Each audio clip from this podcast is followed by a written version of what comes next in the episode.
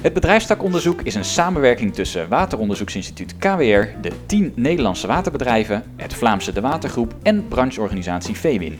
In deze podcastserie bespreken we wetenschappelijke watervragen waar we gezamenlijk in het bedrijfstakonderzoek antwoorden op hebben gevonden. U luistert naar Waterzaken. We hebben niet één microplastic om te testen, of twee of drie. We hebben een verzameling die we eigenlijk niet zo goed kunnen karakteriseren nog. Ik ben Tim van der Mast, communicatieadviseur bij KWR. En ik ben Geert Spronk, programmamanager en onderzoeker bij KWR. In deze aflevering spreken we met Patrick Bouwerlijn, scheikundig onderzoeker bij KWR, en Ilko Pieke, adviseur chemie bij het Waterlaboratorium, over plastic in de watercyclus. Welkom Patrick en Ilko. Dankjewel. Ja, dankjewel. Laten we bij het begin beginnen. Uh, hoe komen microplastics in het milieu? Wat zijn, wat zijn de oorzaken? Nou, er uh, zijn verschillende oorzaken. Je zou kunnen denken aan uh, industrie, uh, waar plastics aan af kunnen komen, maar ook gewoon, de gewone burger is verantwoordelijk hiervoor. Bijvoorbeeld als jij met je plastic zakje buiten loopt en hem laat vallen, Yep. nou, dan is daar de eerste stap gedaan om een microplastic in het milieu te brengen.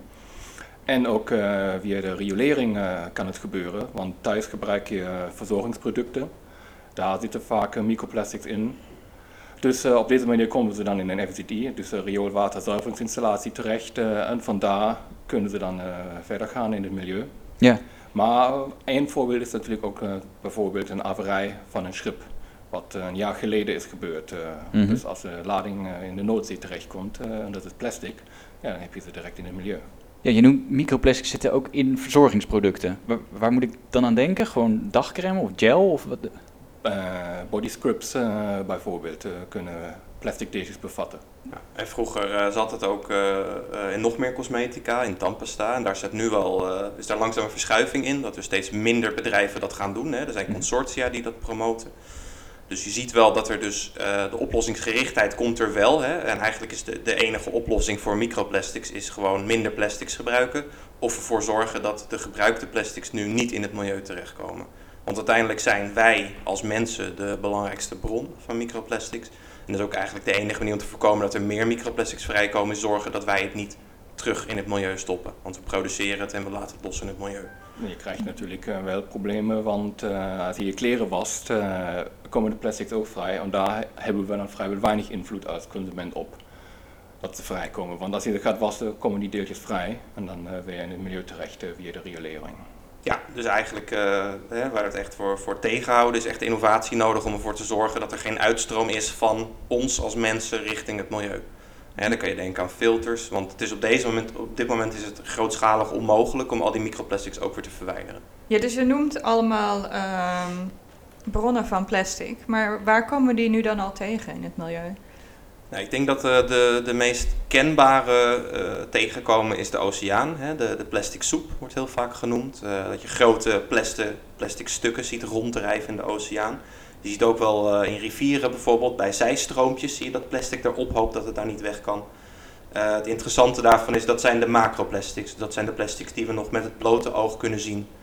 En van de microplastics hebben we eigenlijk nog niet zo'n goed beeld waar ze allemaal eindigen. Uh, wat we wel weten is waar rook is, is vuur. Dus als we macroplastics zien, weten we ook, daar zullen ook microplastics zijn. Maar omdat microplastics veel kleiner zijn, verspreiden ze zich ook veel makkelijker in, de, in het milieu.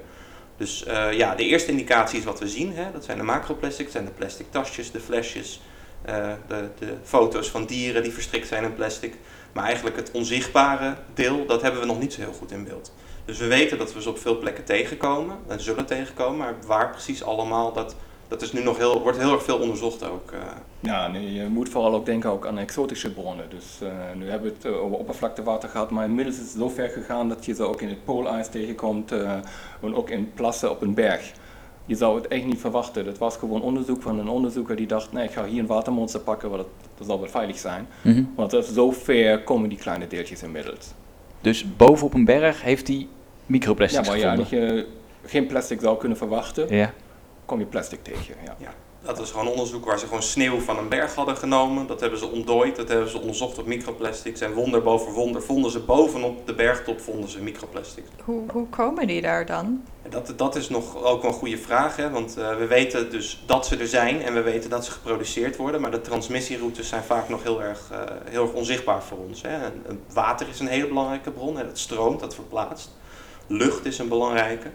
Eh, dat zullen de voornaamste bronnen zijn. Eh, maar we weten dus niet hoe groot die, eh, die transmissie is over die, over die media. Dus het is heel erg lastig om in te schatten hoe ze daar komen. Ja, je noemde het al even water eigenlijk als transmissieroute. En dat is eigenlijk ook gelijk wel een, een, een logische stap naar de volgende vraag. Van waarom is de drinkwatersector dan zo ja, actief in dit, in dit onderzoek naar, naar plastics? Nou, als, als, als drinkwatersector merken we en zien we, wij zijn vaak ontvanger van, eh, van water. Hè? Wij, wij gebruiken water om drinkwater te maken. Dus eh, als het oppervlaktewater vervuiling heeft, dan hebben wij daar als drinkwatersector eigenlijk direct last van. Eh, met microplastics is het niet anders. Hè? Microplastics worden heel veel plekken aangetroffen, zelfs de meest exotische bronnen.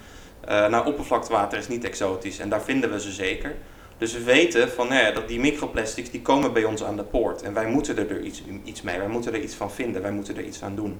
Hè, want de- de- het doel van de drinkwatersector is gewoon drinkwater produceren. En daar moeten we het er eigenlijk gewoon uithalen. Dus daarom, eh, eh, ja, daarom komen we er eigenlijk eh, op. Ja, inderdaad, want je, je weet dat het dus eh, bij je voor de deur staat. Mhm. Dus je wil al proactief eh, kijken wat zou dit kunnen betekenen voor de drinkwatervoorziening.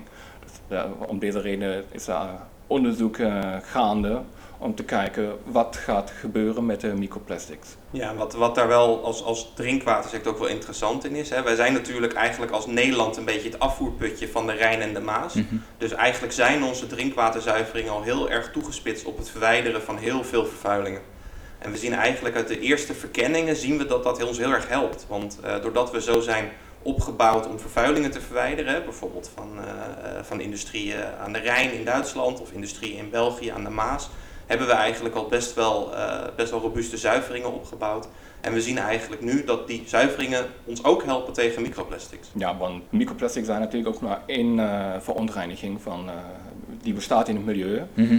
En de, dus zoals ik al zei, bestaande zuiveringen werken ook voor deze verontreiniging. Want dat is ook eh, door de WHO aangetoond. Dus eh, als je drinkwaterzuivering in feite op orde hebt, dan eh, zou je geen lasten moeten hebben van microplastics. Nee, dus je zegt eigenlijk met de huidige zuivering, zoals we die nu hebben, halen we er eigenlijk al heel veel microplastics uit. We halen, je kan vooral bij rioolwaterzuiveringen zien dat meer dan 99% van de plastics die in een FSI terecht kunnen Mhm. komen, al eruit kunnen worden gehaald. Ja, dus eigenlijk het, het afval wat wij als mensen via de wc en via de kraan allemaal wegspoelen, daar wordt al een heel groot deel van weggehaald. En dan heb je daarna nog als extra stap de drinkwaterzuivering. Dus er is, er is al, al, wat we hebben gezien, een heel groot verwijderingsrendement. Dus dat, dat, dat zit heel goed in elkaar. Maar we weten niet of het 100% is. Maar wat ik me dan afvraag, is we hebben, er loopt heel veel onderzoek, we, we horen hier veel over. En toch hoor ik van jullie dat er dus nog heel veel onbekend is. Waarom is het zo moeilijk om eh, die verspreiding van microplastics goed te meten en te begrijpen hoe dat in zijn werk gaat? Nou, de punt is bij plastic deeltjes, het ene deeltje is het andere niet. Je zou je kunnen voorstellen, net zoals bij een sneeuwvlok. Mhm. Je hebt er wel eentje, maar je nog eentje te vinden die er precies op lijkt, dat is nagenoeg onmogelijk. Dus je hebt eh, de verschillende groottes van de deeltjes, dan de type plastic, je hebt polystyreen, polyethyleen, heb je verschillende kleuren. De vorm is ook nog anders, je kan een vezel hebben, je kan een rond stukje hebben, je kan een iets ongedefinieerbaars hebben. En eh, dit moet je allemaal kunnen aantonen, met één methode liefst. En dat is toch het verschil eh, met opgeloste stoffen die we tot nu toe hadden te zoeken zijn. Daar heb je een homogeen mengsel. En als je daar een representatief eh, stukje uitpakt van zo'n mengsel, dan, dan kan je aantonen wat erin zit. Maar je vindt geen representatief eh, hoeveelheid water met deeltjes. Want Hmm. zoals ik zei, als je één deeltje meet, dan vind je dit deeltje niet nog een keer terug. Dus het is eh, veel moeilijker om eh, deeltjes aan te tonen. En te karakteriseren vooral. Gaat het daarbij dan ook om het soort van plastic wat je vindt? Of het type? Of is het puur de, de vorm van het deeltje? Nee, maar ook voor, vooral eh, de moleculaire structuur. Of het een polystyreen is, een polyethyleen. Dat wil je ook graag weten, want dat vertelt je ook waar het vandaan eh, zou kunnen komen. En buiten uh, hoeveel je er aantreft, is natuurlijk ook de vraag van, nou ja, zijn die microplastics nou gevaarlijk voor ons? Uh, hebben ze een risico voor ons, of voor dieren, of voor het welzijn van, uh, van het aquatisch milieu? En eigenlijk het antwoord geven op die vraag is, is, zoals Patrick al benoemde, net zo complex. Want je hebt dus niet één deeltje waarop je kan toetsen hoeveel effect dat heeft. Je hebt eigenlijk een enorme rambam aan deeltjes die je probeert te karakteriseren. En als je dan wil zeggen van, nou ja, wat is het risico van bijvoorbeeld 100 deeltjes microplastics? dan moet je af gaan vragen van, nou ja, zijn dat dan ronde plastic? Zijn ze blauw? Zijn ze van polyethylene of polystyreen? Dus eigenlijk is zo'n zo'n risicobepaling gaat heel erg buiten wat we traditioneel gewend zijn, van heel erg goed gekarakteriseerde moleculen bijvoorbeeld, hè, uh, van stoffen die we in het water vinden of afval vanuit, uh, uh, vanuit het milieu. Um, en dat maakt de risico-inschatting heel erg lastig. Dus om, om echt te toetsen of er een risico is, dat, eigenlijk hebben we die middelen hebben we nog niet zo goed onderzocht. Want we hebben niet uh, we hebben niet één microplastic om te testen, of twee of drie. We hebben een, een, ja, een, een verzameling die we eigenlijk niet zo goed kunnen karakteriseren nog. Hmm. En bovenop komt nog, je hebt het deeltje zelf. Maar het deeltje kan ook nog een uh, vehikel zijn voor andere stoffen die erop zitten of die er zelfs in zitten. Dus die kleurstoffen die, uh, die daarin zitten.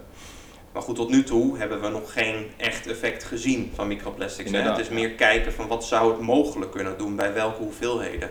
Ehm, dus dat, dat is ook het ingewikkelde, is dat we tot nu toe nog best wel lage hoeveelheden hebben eigenlijk. Um, ja, en het is gewoon een heel nieuw onderwerp. Dat, dat maakt het heel erg lastig om, om een streefwaarde op te zoeken.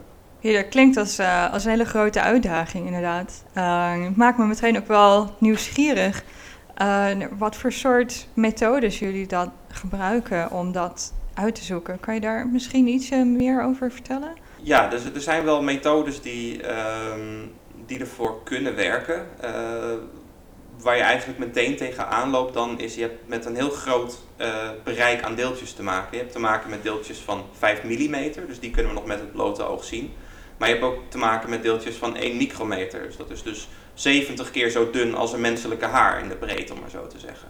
Dus dat, dat hele uh, scala wil je eigenlijk beslaan met één methode. En eigenlijk zien we, die methode bestaat nog niet. Dus we hebben eigenlijk een aantal andere methodes die allemaal weer een stukje heel erg goed in zijn. Uh, bijvoorbeeld KWR gebruikt uh, lasertechnologie met infraroodlasers. Om dus te kijken welk licht terugkaat van een deeltje of welk deel van het licht geabsorbeerd wordt. bij het waterlaboratorium gebruiken we een microscoop om dus fysiek deeltjes met je oog te bekijken en te tellen. Ja, en naast deze optische methodes in feite heb je ook nog een methode om plastics thermisch af te breken. En de afbraakproducten die dan ontstaan, die kan je vervolgens weer karakteriseren. En op basis daarvan kan je dan een uitspraak maken welke type plastic je hebt gevonden. Elke methode is geschikt uh, voor andere grote deeltje, eigenlijk in. En levert ook andere informatie op. Uh, de visuele methode die levert vooral informatie op of het een plastic is. Maar je kan dan nog niet noodzakelijk zeggen wat het is. De infraroodmethode geeft je dan ook weer vervolgens informatie over de uh, moleculaire structuur van het plastic. Dus je kan zeggen, is dit polyethyleen, is dit polypropyleen?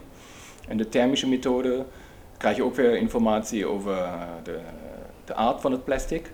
Maar je krijgt wel geen informatie over de grootte van het plastic, want dat is een ook uh, een destructieve methode. Die mengsel gewoon kapot maakt. Want je zou de drie methodes niet kunnen combineren tot één methode, of is dat te simpel gedacht? Je kan ze parallel laten lopen en dan kan je eh, de gaten die de ene methode heeft aanvullen door de andere methode. Ja. Dat, uh, dat, dat doen we ook. Uh, ja. Het Waterlaboratorium en KWR werken er ook in samen om te kijken van hoe kunnen we elkaars methodes nou aanvullen met ingewikkelde vraagstukken. Mm -hmm. En daarom ontwikkelen we dus ook uh, nieuwe methoden om te kijken van nou ja, we hebben deze twee methoden gecombineerd. We zien eigenlijk van hier zit nog een, een kennisleemte. Die kunnen we dan opvullen met bijvoorbeeld zo'n methode. Maar het is eigenlijk, deze methodes staan allemaal redelijk in de kinderschoenen nog. Hè? Want het, het, de ontwikkelingen op analytische microplastics zijn echt pas twee, drie jaar echt gaande. Dus je ziet, dit zijn allemaal technieken die nog redelijk jong zijn. Mm. En daarom is het ook heel lastig om, om een beeld te hebben van hoe goed zijn ze nou en hoe goed zijn ze in wat ze doen. Ik kan me voorstellen dat het bijvoorbeeld ook heel moeilijk is om dan uh, daar een goed monster voor te nemen. Van hoe, hoe ga je dat dan aanpakken? Nou ja, alles begint dus uh, met de monsternamen. je hebt een uh, grote hoeveelheid water nodig om een monster te analyseren. Dus bij opgeloste stoffen kom je vaak met een liter of nog veel minder weg. Maar bij de microplastic heb je vaak 1000 liter nodig. Die moet je dan uh, filtreren. En alle vaste stoffen die erachter blijven, die ga je vervolgens nog chemisch opwerken. Om uh, ongewenst organisch materiaal en anorganisch materiaal te verwijderen. Om dan vervolgens alleen maar de plastics uh, over te houden, mm -hmm. die je dan vervolgens weer kan analyseren. Dus ook de monsternaam en het opwerken is zeer bewerkelijk. Dat is ook een groot verschil met met uh, wat we tot nu toe gewend waren van uh, opgeloste stoffen. Ja, en daarop aanvullend is voor, echt voor grondwater en drinkwater, hè, wat, wat in principe hele schone producten zijn, dan heb je echt nou ja, meer dan 10.000 liter nodig voor een redelijke bemonstering. Dus dan heb je het over, uh, nou ja, bijna al over een, over een maand, maandverbruik van een gezin, wat je dus moet bemonsteren om überhaupt iets te kunnen zeggen over het monster. Want waarom zou je bij uh, 1 liter niet iets kunnen zeggen over het monster? Hey, dat, met microplastics krijg je een heel interessant uh, beeld, omdat het, het is geen homogeen mengsel is. Met, mm. met moleculen weten we, als je een molecuul in, een water, in water gooit, dan verspreidt hij zich heel netjes over het hele water. En microplastics zijn deeltjes en die gedragen zich eigenlijk voor onze huidige kennis niet zo heel handig. Want ze laten zich niet verdelen. Hè? Ze, ze klonteren samen of ze zitten aan de linkerkant of aan de rechterkant. Dus je hebt ook te maken met kans, of je zo'n deeltje wel of niet pakt. Dus eigenlijk om die, die, het effect van de kans zo laag mogelijk te krijgen, moet je heel veel uh, monsters nemen. Het is eigenlijk hetzelfde als je een dobbelsteen gooit. Hè? Als je hem zes keer gooit, is de kans dat je uh, één gooit zes keer is redelijk aanwezig. Als je die dobbelsteen honderdduizend keer gooit, is de kans dat je continu één gooit niet zo heel groot meer. Je noemde al even het grondwater en het drinkwater. We hebben het in het begin natuurlijk over afvalwater uh, gehad. In, uh, in hoeverre doen jullie ook onderzoek naar ja, zeg maar microplastics en grondwater en, of drinkwater? Nou, we zijn nu begonnen met onderzoek om te zien waar microplastics in de drinkwaterzuivering terecht zouden kunnen komen. Mm -hmm. Dus monsters zijn genomen, we zijn nu aan het analyseren en we hopen in het loop van 2021 uh, wel uh, data te hebben hierover. Hier werken we ook met het waterlaboratorium samen op verschillende onderwerpen, want zoals we eerder hadden gezegd, het is altijd handig twee technieken te hebben. Ja, dus ja, het lopende onderzoek dat we nu hebben is sowieso dus in het grondwater waar nu naar gekeken wordt. En we kijken nu ook heel specifiek naar de drinkwaterzuivering. Dat we door de zuivering heen punten nemen waar we kijken, oké, hoeveel microplastic zit er voor en na een zuiveringsstap. Dus we zijn niet alleen maar eigenlijk nog niet heel erg bezig met te kijken hoeveel zit er nou in het drinkwater. Want daar zijn we tot nu toe wel heel positief over, dat er gewoon niet zo heel veel in zit. Maar meer ook aan het kijken van welke zuiveringsstappen zijn nou echt heel effectief in het verwijderen van, uh, van plastics. Dat geeft ons namelijk ook meteen een goed beeld van stel de microplastics nemen toe in de toekomst. Welke technieken zou je dan kunnen inzetten om daar, uh, om daar effectief mee om te gaan? Dus het onderzoek is, is nu ook vooral echt gericht om te kijken van uh, waarom doen onze zuiveringen het best wel goed. Hè? Want dat snappen we eigenlijk zelf nog niet zo heel goed. Dus het is nog best wel ingewikkeld allemaal. En er zijn ook uh, grote hoeveelheden water nodig om dat te analyseren. Maar um, zie je dan ook nu al hoe we dat dan kunnen toegang passen bij, bij de drinkwaterbedrijven? Of uh, welke ontwikkeling is daar dan verder nog nodig? Ja, die ontwikkelingen die uh, nog nodig zijn, dat uh, komt juist uit dit onderzoek wat we dus volgend jaar hopelijk af kunnen ronden. En dan gaan we verder kijken. Want nou ja, je wil eerst harde cijfers ook hebben in dit geval om te bepalen hoe je verder wil gaan. Ja, ik denk zelf dat het belangrijk is dat we een goede goede kennisbasis opbouwen binnen de watersector over microplastics. Dat we in ieder geval een antwoord hebben op de moeilijke vragen en ook dus de technieken om daar een antwoord op te geven als we ze nog niet hebben. Um, en dan is het met name ook, hè, en dat is niet altijd het makkelijkste antwoord, maar ook afwachten wat er op internationaal niveau gebeurt. Hè, er is nu heel veel onderzoek gaande en het is heel belangrijk om als er onderzoek gaande is om te kunnen meedenken. En, en daarom is dus het aanleggen van die kennisbasis ook zo heel belangrijk in de watersector dat we kunnen meedenken en meepraten over oplossingen en technieken. En dan hopelijk hè, uh, komt uit die internationale samenwerkingen voor ons ook een beeld van, nou ja, hè, wat zijn nou de risico's van microplastics en hoeveel, hoe prioriteren we die in, uh, in vergelijking met andere uh, bronnen, zoals bijvoorbeeld afvalwaterzuiveringen of droogte of dat soort onderwerpen. Dus uiteindelijk moeten we eigenlijk een beeld krijgen binnen de watersector, hoe belangrijk is dit voor de watersector? En daar is deze kennisontwikkelingen zijn er heel belangrijk in. Ja, en in dit kader zijn ook meerdere labs internationaal bezig met een ringonderzoek om bestaande methodes met elkaar te vergelijken. Om zeker te zijn als de ene roept er zitten 10 deeltjes per liter in, dat dat ook echt betekent 10 deeltjes per liter. Dat je dat met iemand anders onderzoek kan vergelijken. Want op het moment is dit namelijk nog een heel groot probleem. Onderzoek met elkaar te kunnen vergelijken. Dankjewel Patrick en Ilko. Bedankt voor jullie bijdrage in deze aflevering van Waterzaken over microplastics in de watercyclus. Onze conclusie is dat de watersector interessant frontieronderzoek doet op het gebied van microplastics. We zien dat met de huidige zuiveringstechnieken die we voor ons water hebben, al heel goed in staat zijn om microplastics te verwijderen. Maar plastic en dus ook microplastics horen niet in het milieu. We moeten dus met z'n allen ervoor zorgen dat ze daar niet in terechtkomen. Dat is uiteindelijk de beste manier om te voorkomen dat ze in de toekomst mogelijk ernstige problemen veroorzaken. In de volgende aflevering van Waterzaken bespreken we weer nieuwe wetenschappelijke watervragen waar we gezamenlijk in het bedrijfstakonderzoek antwoorden op hebben gevonden. Ga naar kwrwater.nl slash podcast om u te abonneren via uw favoriete podcast app, zodat u op de hoogte blijft van alle waterzaken.